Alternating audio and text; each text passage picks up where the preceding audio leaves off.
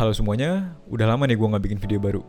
Kali ini gue pengen coba bikin video yang topiknya agak beda nih. Kalau biasanya gue ngebahas tentang Mac, kali ini gue ngebahas sesuatu yang lain, tapi gue yakin bakal berguna juga buat lo. Yaitu, tips gimana biar kita bisa banyak baca buku.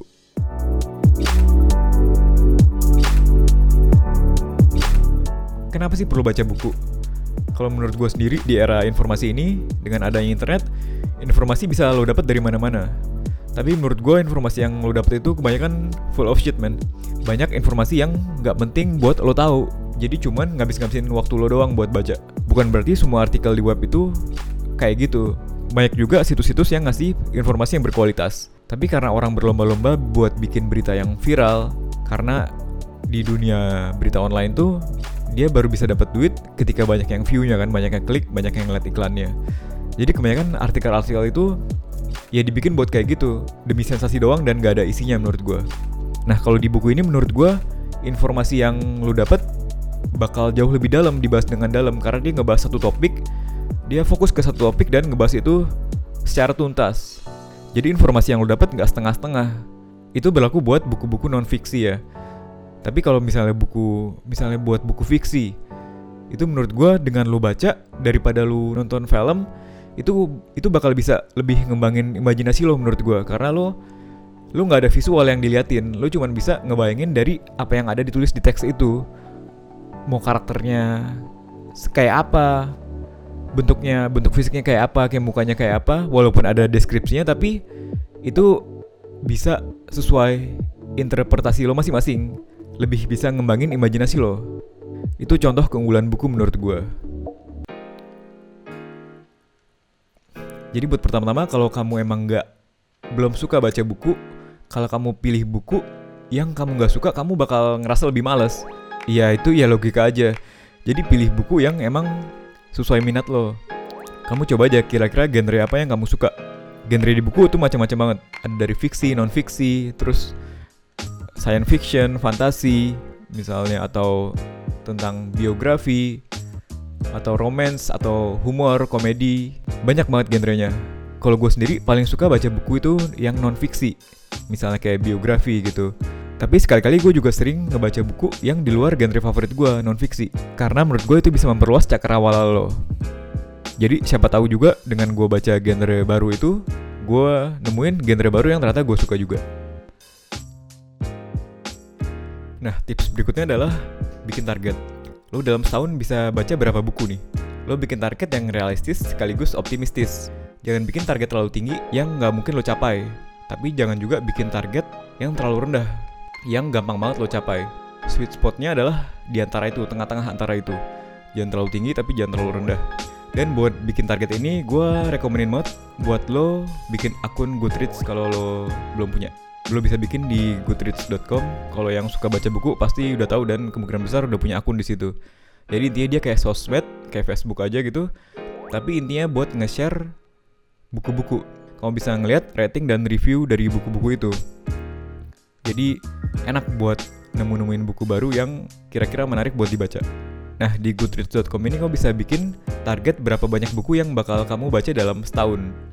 Jadi misal dalam tahun ini 2018 kamu target baca berapa buku nih? Ntar kamu bisa bikin targetnya di situ dan kamu setiap selesai baca buku atau baru baca buku baru, mulai baca buku baru, kamu lock aja aktivitinya di situ, ntar ke track progresnya.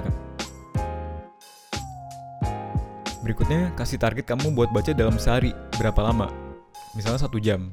Ya udah minimal kamu baca itu satu jam dalam sehari satu jam itu nggak perlu dalam langsung satu sesi.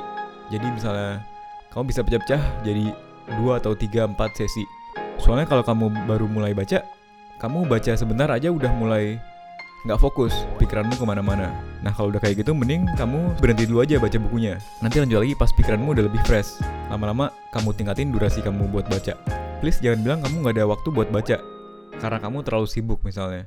Berapa lama sih waktu yang kamu habisin buat baca berita-berita online gak penting. Atau berapa lama sih dalam sehari kamu browsing-browsing Instagram atau sosmed lainnya? Kamu kurangin waktu kamu buat ngelakuin hal-hal yang menurut gue nggak terlalu ada manfaatnya itu. Sehingga kamu bisa pakai waktunya buat baca buku. Terus kamu bisa curi-curi waktu buat baca buku. Misalnya kamu lagi makan atau misalnya lagi naik kendaraan umum, kereta, atau misalnya lagi di toilet, kamu bisa pakai waktu itu buat baca di sela-sela kesibukan kamu. Misalnya satu buku bakal segede ini nih. Segede ini.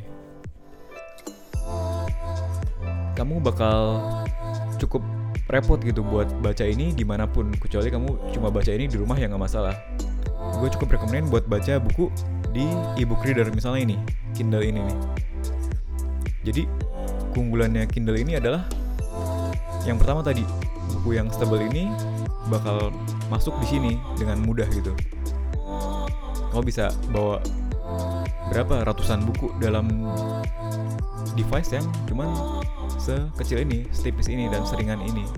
Mungkin kamu mikir terus apa bedanya kalau gua baca di HP aja atau di tablet aja. Nah, bedanya adalah di Kindle ini dia pakai teknologi layarnya bukan layar LCD kayak biasa, tapi dia layarnya electronic ink yang manfaat utamanya adalah dia nggak bikin mata sakit buat dipakai baca berjam-jam. Kalau baca di HP, kalau gue baca nggak lama aja mata udah sakit. Nggak mungkin gue bisa baca satu jam di HP terus-terusan, itu mata gue bakal sakit.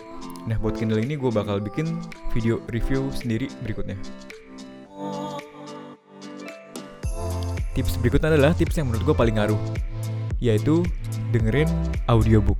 Jadi audiobook itu adalah kita dengerin orang bacain buku. Jadi misalnya kamu bisa lihat itu contohnya di audible.com atau di audiobooks.com. Nah, itu buku-bukunya juga bukan buku-buku khusus audiobook gitu. Jadi, itu adalah emang buku-buku yang diterbitin yang dibuat dalam versi audiobooknya. Biasanya buku-buku bestseller hampir semuanya bakal dibikin audiobooknya. Gua sendiri baca audiobook ini belum lama, mungkin baru sekitar setengah tahun.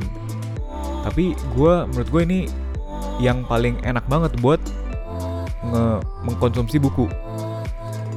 Karena yang paling pertama ya ini bener-bener lo bisa di mana aja dan kapan aja. Lo tinggal masang headset terus setel di HP ya udah lo bisa dengerin. Dan misalnya kamu takut wah ntar takutnya nggak nangkep nih karena gue misalnya tipe yang visual learning nih. Jadi gue ntar nggak nangkep kalau dengerin. Ya itu lu coba aja dulu deh. Gue pikirnya juga tadinya kayak gitu. Dengan coba dengerin apa gue bisa nangkep isinya? Nah ternyata gue bisa nangkep isinya itu. Gue bisa memahami informasi yang di ada di buku itu. Dan enaknya lagi ini dia ada settingan speednya. Jadi kalau kamu ngerasa yang speed normal terlalu cepat kamu bisa lambatin. Tapi kalau kamu ngerasa gue udah jago nih listeningnya listening bahasa Inggrisnya kamu bisa aja cepetin misalnya jadi dua kali speed itu kamu bisa atur. Jadi sesuai dengan kemampuan kamu. Sejak ada audiobook ini jumlah buku yang bisa gue baca itu meningkat drastis sih. Karena ya gue bisa baca tadi itu di mana pun dan kapan pun dan itu ngebantu banget gue buat konsumsi buku. Kalau lo belum pernah gue saran banget buat lo coba dengerin audiobook itu Oke, paling gitu aja tips singkat dari gue. Kalau lo ada tips buat baca buku lainnya, boleh tulis aja di kolom komen di bawah. Atau kalau lo ada pertanyaan juga silahkan tulis. Gue akan berusaha bantu jawab semampu gue tapi yang menurut gue perlu ditekankan ini adalah uh, lo baca buku jangan ngejar jumlah buku yang lo baca. Ya karena sebenarnya itu nggak nggak penting. Yang penting adalah buku-buku yang lo baca itu lo mendapatkan manfaatnya. Lo dapetin ilmu dari buku-buku itu. Thanks banget kalau lo nontonnya sampai akhir kalau lo suka video ini boleh di like dan kalau lo mau subscribe ke channel gue gue akan sangat appreciate Oke, sampai ketemu lagi di video selanjutnya. Ciao.